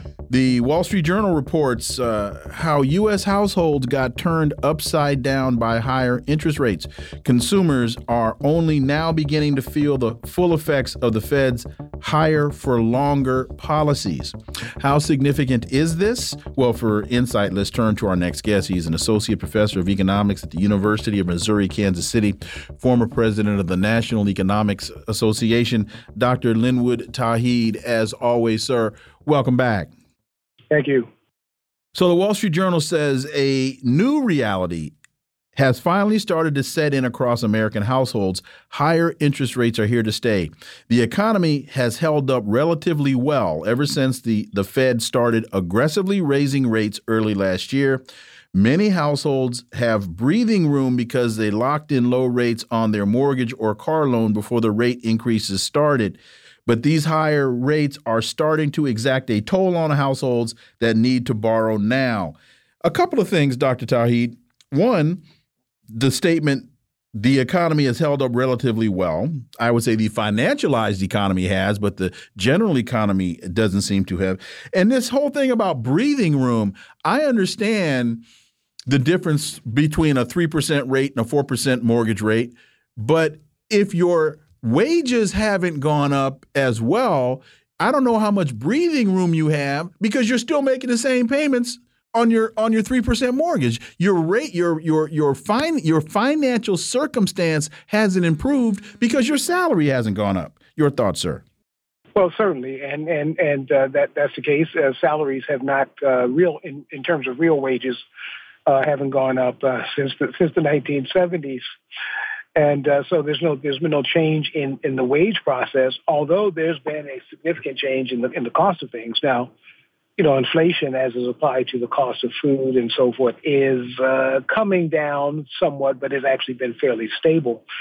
Uh, but uh, the real in- increase in cost is is in housing and uh, and, and, autos, and and so the the real increase in, in uh, not we're talking not not about a just an increase in mortgage from let's say three and a half percent to 7%, in other words, a doubling in the expected uh, mortgage rate for new housing. Uh, we're also talking about increasing in, in, in credit card debt because uh, uh, prices have gone up, but wages haven't gone up, and people are increasingly using their credit cards to finance their their uh, expenses. And we've had an increase in credit card uh, defaults and uh, past due notices and so forth. And so this is this is very reminiscent of what was happening in the 1990s, where people were talking about that as a, a good economy because consumers were buying things, but they were buying things on credit. And then in 2000, we had a recession. Dr. Tauheed, when I hear the discussion, like particularly from you know the major um, media about the effect that um, these rate increases are having on you know a person's household inflation and day to day living, that doesn't really get into the reality that the people behind these policies have come out and said their intent was to increase unemployment which if they had concern about the the outcome of the policies from the perspective of the day-to-day effect on families if the if the if the if the point is they wanted to increase unemployment it would have an even greater negative effect. At any rate your thoughts on well, that well not only that garland they want to increase unemployment but now as they're struggling with the budget they're trying to cut back spending, which means social programs are going to get cut. So what of they're course. really doing is raising the misery index. Well, exactly, and and you know the the idea that uh, the government can't afford things uh, because you can't afford things. Uh, I, I, suppose they think that resonates.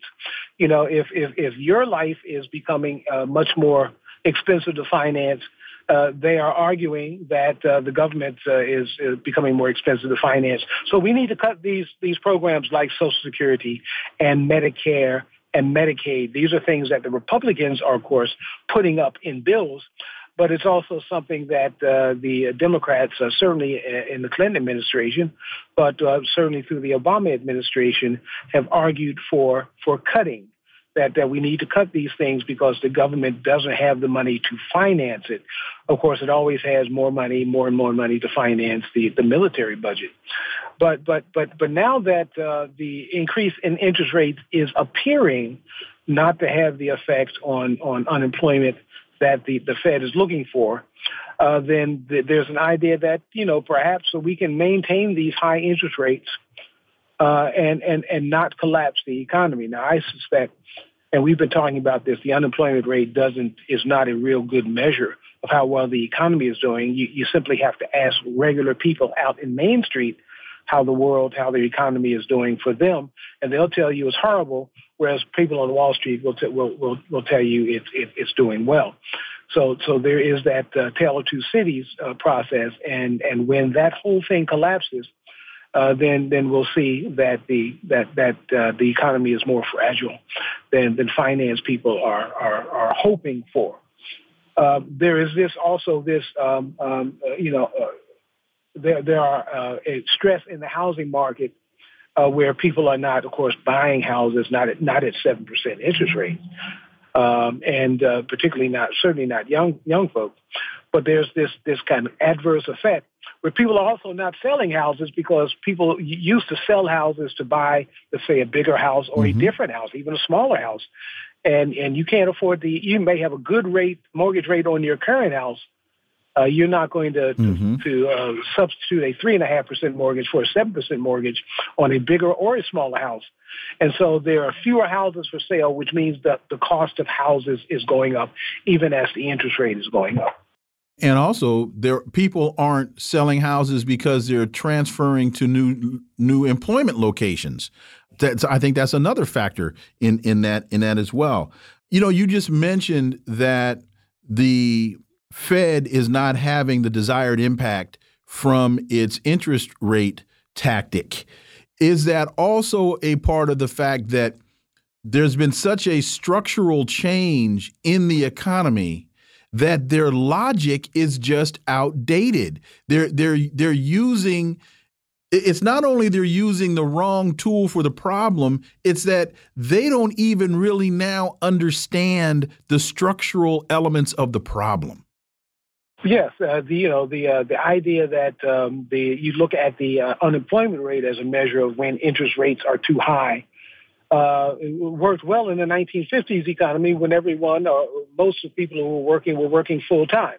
But now we have an increasing number of persons who are working part time, and so you have uh, one person working full time. Their job gets split into two persons working full, uh, working part time. The, un- the the the unemployment rate goes down, even though the income from everyone goes down and that's that's that's not the measure that the that uh, the Fed should be using. But but it's the only measure that they have in their toolkit along with raising interest rates to bring that idea down, bring that uh, that rate down. Uh, the Fed is targeting a two percent interest rate, uh, getting down to a two percent. Uh, they have no they have no target for the unemployment rate, so the unemployment rate could go up to to whatever it needs to go up to get the interest rate down to two percent. Uh, that is, as you said, the, the misery index is intending is is planned to go up until the Fed thinks that that that we've had enough. How do the Trump tax cuts factor into this on the misery side?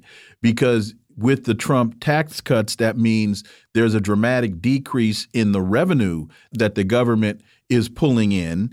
We're sending billions of dollars into that rat hole called the Ukraine. So the money that the government does have, it isn't spending it. I was going to say wisely, but I'll just say it isn't spending on the American people. So, are the Trump tax cuts a factor in this as well? Well, certainly the Trump tax cuts, like the Bush two tax cut in because in the early 2000s, uh, have the same effect. You're you're you're giving tax cuts to the wealthy behind the ideology that the wealthy will, will use that money to invest in, in employment. They'll, they'll expand their, their operations and therefore employ new people. Well, they didn't do that in the Bush two tax cuts.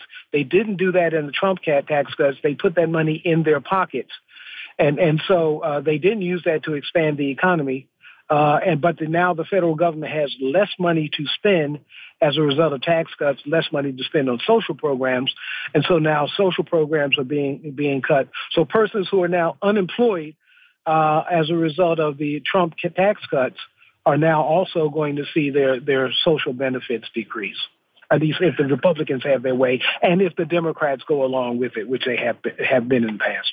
Two quick stories I'll put together. Syrian President Assad arrives in China to meet with President Xi, and Iran and Iraq are coming up with a joint bank and transport company.